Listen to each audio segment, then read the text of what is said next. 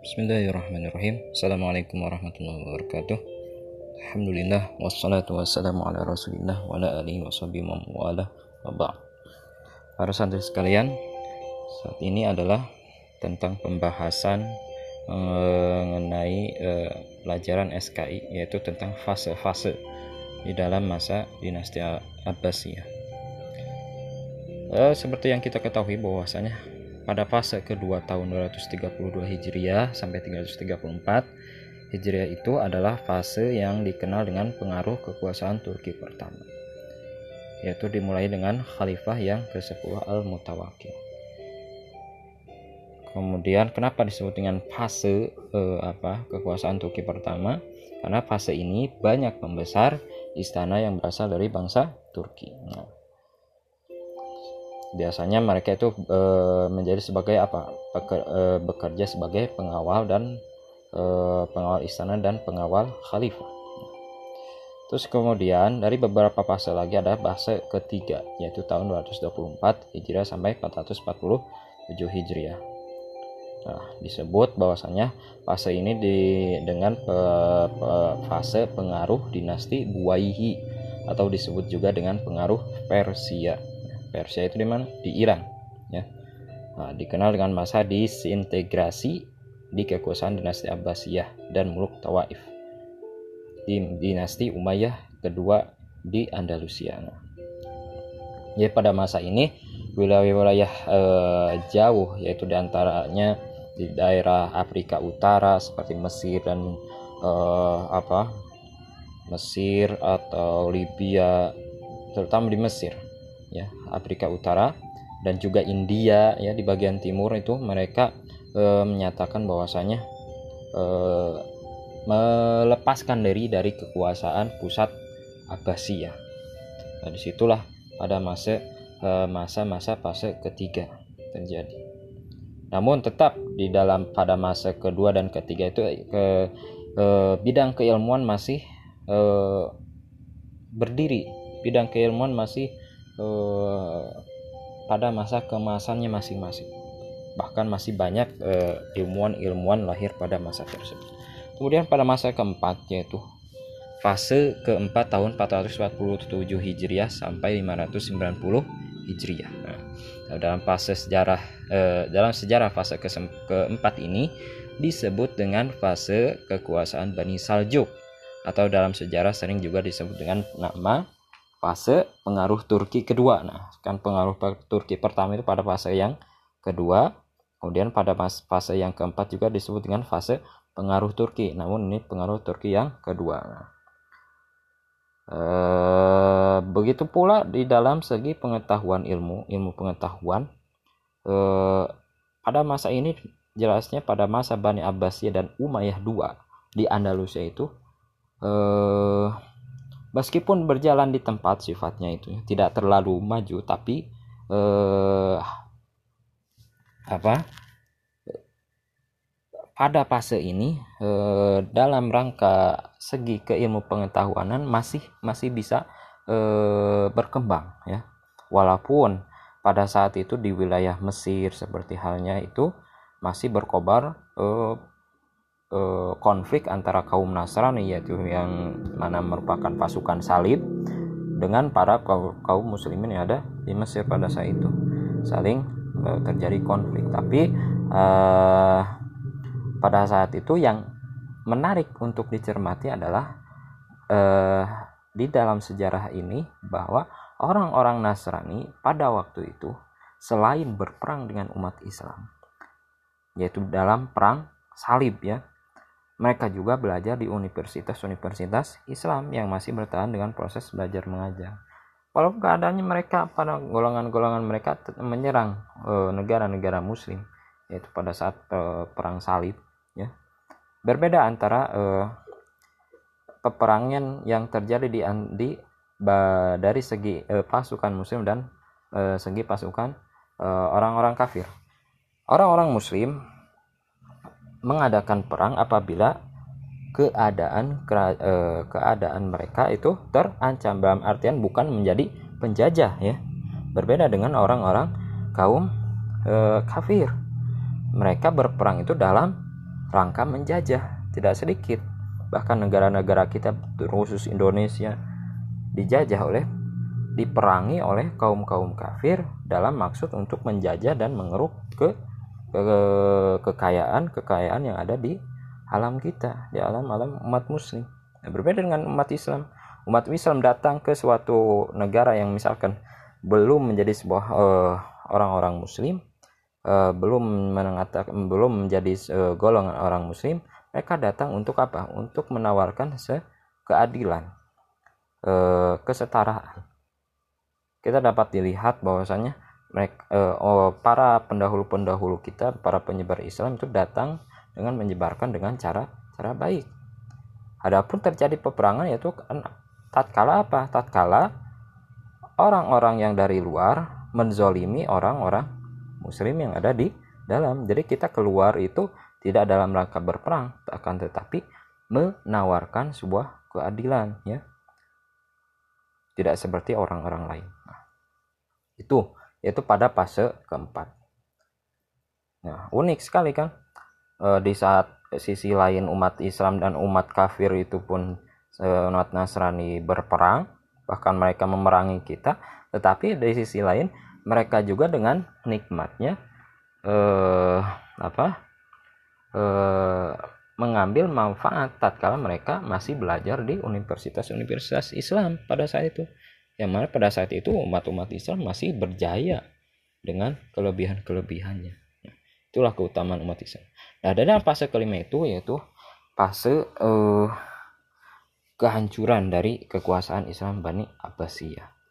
Nah, yang perlu dicermati di sini di dalam fase ini uh, kita sebenarnya harus bangga dengan agama kita, ya.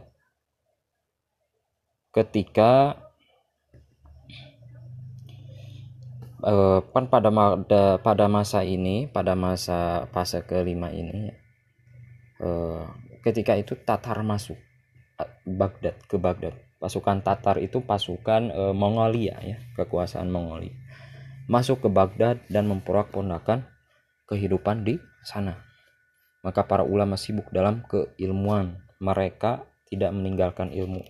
Bahkan mereka terus-menerus e, mengeruk keilmuan, menjaga keilmuan agama Islam. Contohnya ya, Imam An-Nawawi rahimahullah ya Imam Nawawi eh, yang menggunakan 12 jam per hari. Bayangkan 12 jam per hari untuk majelis ilmu. Bahkan beliau tidak menikah, Imam Nawawi. Yang pada yang mana pada saat itu pada zaman Imam Nawawi pada masa khalifah kekhalifahan Abbasiyah di akhir-akhir di akhir-akhir penghujung yang mana eh, eh, menghadapi kehancuran Bani Abbasiyah tersebut. Imam Nawawi terus berjuang bahkan selama 12 jam per hari untuk e, dicurahkan kepada majelis ilmu. Bahkan beliau pun juga tidak menikah. Nah. Kemudian majelis-majelis ilmu dikembangkan. Buku-buku baru ditulis. Meskipun masa itu penulisan buku memerlukan waktu lama. Karena, karena pada saat itu terjadi kehancuran sangat besar bagi umat Islam. Pasukan Tatar membakar semua eh, sumber-sumber keilmuan yang pada saat itu sudah terkumpulkan bahkan di perpustakaan-perpustakaannya. Perpustakaannya pun tidak luput dari kehancuran. Perpustakaannya dibakar semua. Nah, kemudian para ulama berjuang dalam keilmuan, para ahli jihad juga berjuang dalam jihad ya. Sementara umat umumnya bergerak dalam ketakwaan. Nah, itu sebuah siklus yang sangat penting.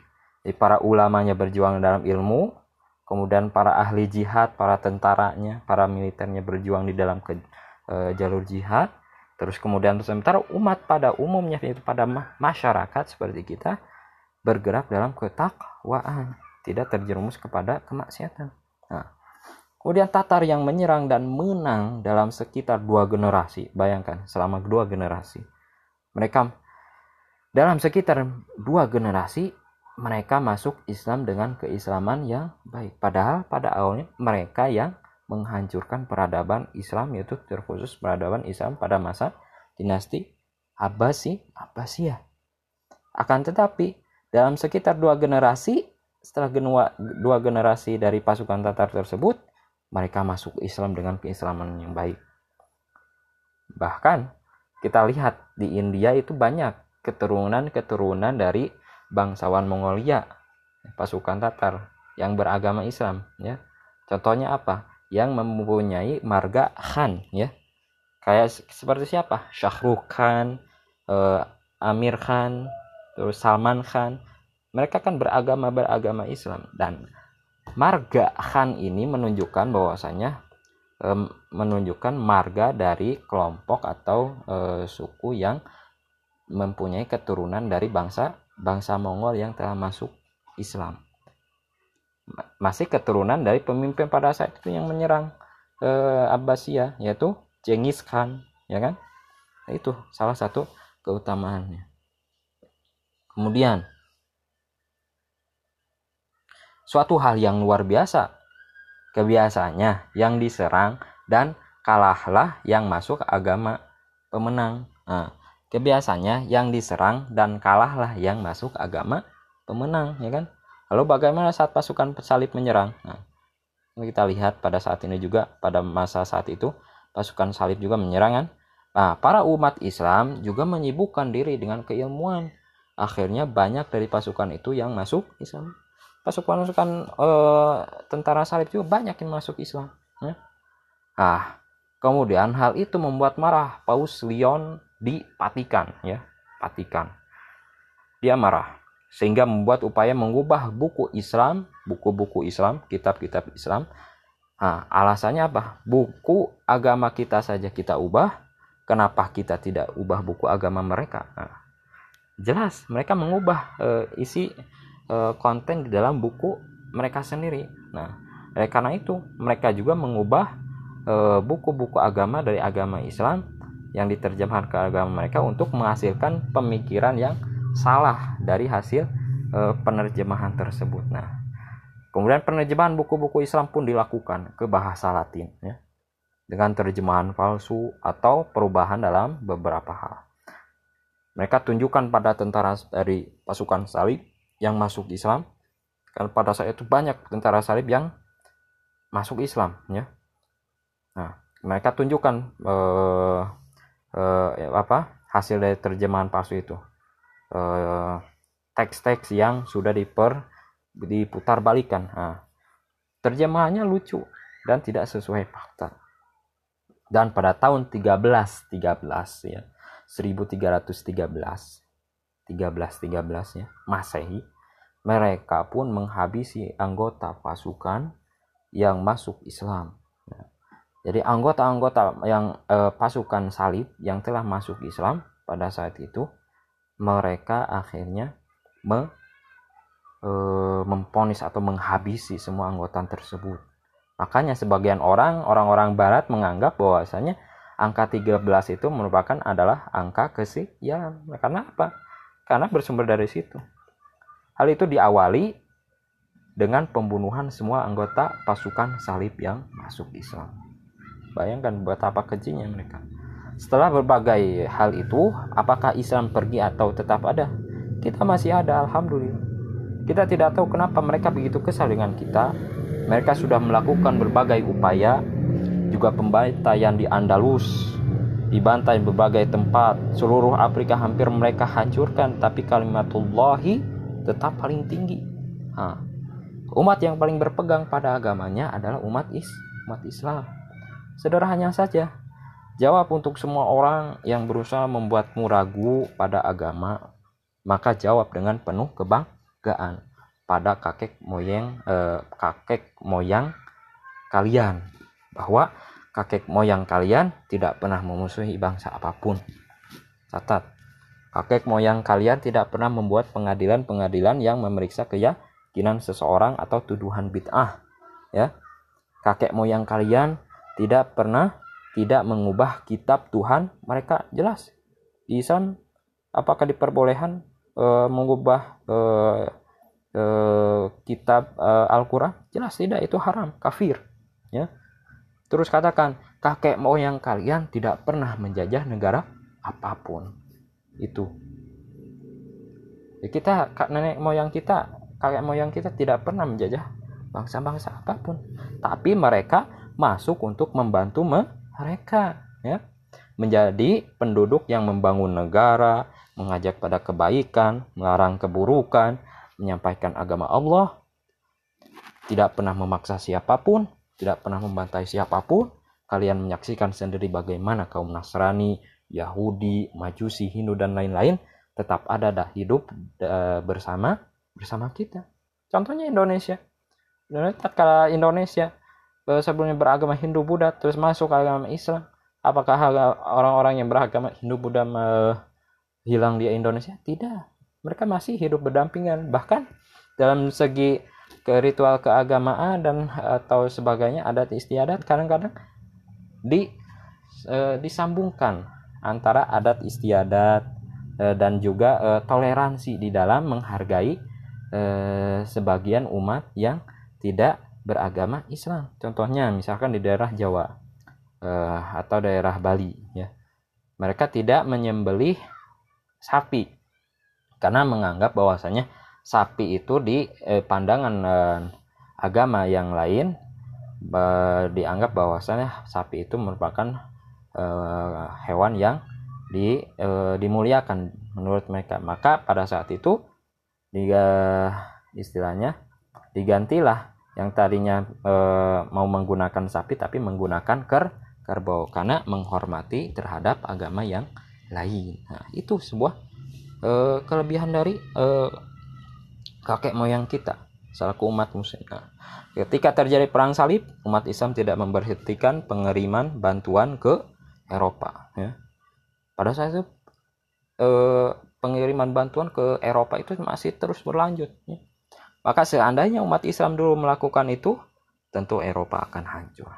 Tidak akan ada Eropa yang maju seperti saat ini itu dari kebaikan orang-orang Islam pada zaman itu. Nah, umat Islam membedakan antara raja dan paus yang memerangi umat Islam tanpa hak. Raja dan paus. Paus di sini adalah pemimpin umat Nasrani ya, ya. Pemimpin besarnya istilahnya apa? Ulama besarnya dari uh, golongan uh, umat Nasrani.